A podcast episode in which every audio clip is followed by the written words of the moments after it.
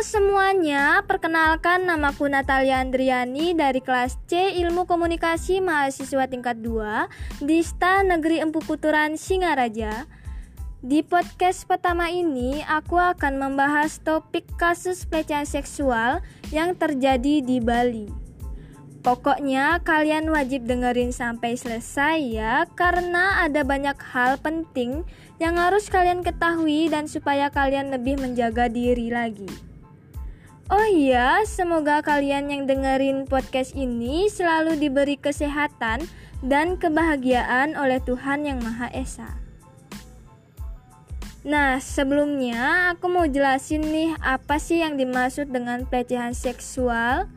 Pelecehan seksual adalah sebagai tindakan seksual lewat sentuhan fisik maupun non-fisik dengan sasaran organ seksual atau seksualitas korbannya. Mengapa aku mengangkat topik ini dalam podcast pertamaku? Karena aku sering membaca berita di media massa atau sosial media, sering memberitakan sejumlah kasus kekerasan seksual terhadap anak. Kasus-kasus tersebut justru terjadi di lingkungan keluarga yang selama ini dianggap tempat paling aman bagi anak. Salah satu bentuk kasus yang saya telusuri yaitu seorang pelatih senam pria berusia 40 tahun yang tegas tubuhi keponakan perempuannya yang masih berumur 14 tahun. Berasal dari Kelurahan Banyuning, Kecamatan Buleleng. Tersangka diduga menyetubuhi keponakannya sebanyak empat kali. Tersangka dijerat pasal 81 Undang-Undang Republik Indonesia nomor 35 tahun 2014 tentang pelindungan anak dengan ancaman hukuman maksimal 15 tahun penjara. Berita ini dilansir dari Nusa Bali. Kasus pelecehan seksual juga terjadi di sejumlah wilayah di Provinsi Bali.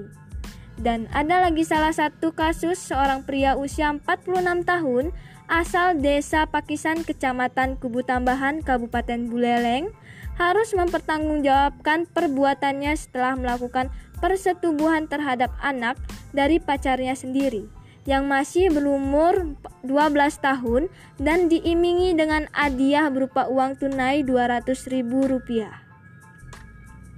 Tersangka yang disangka telah melakukan tindak pidana persetubuhan terhadap anak di bawah umur sebagaimana dimaksud dalam pasal 81 Undang-Undang Republik Indonesia Nomor 35 Tahun 2014 tentang pelindungan terhadap anak dengan ancaman hukuman minimal 15 tahun penjara. Berita ini dilansir dari Bali Puspan News.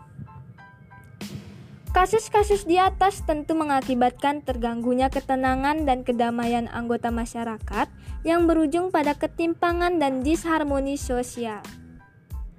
Akibat yang ditimbulkan tidak hanya menimpa korbannya, tetapi juga mengakibatkan ketakutan pada masyarakat.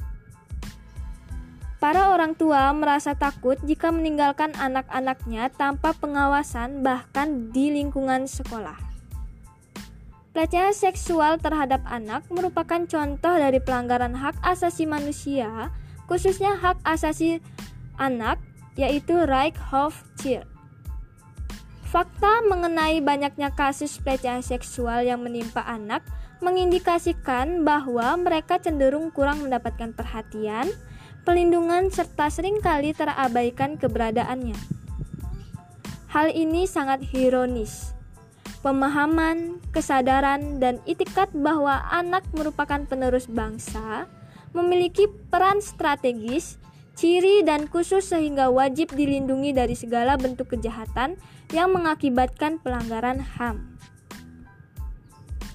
Penyebab terjadinya kekerasan seksual pada anak dapat dilihat dari sisi pelaku dan korban. Dari sisi pelaku ada tiga faktor, yaitu pelaku memiliki kelainan saraf, atau penyakit kejiwaan.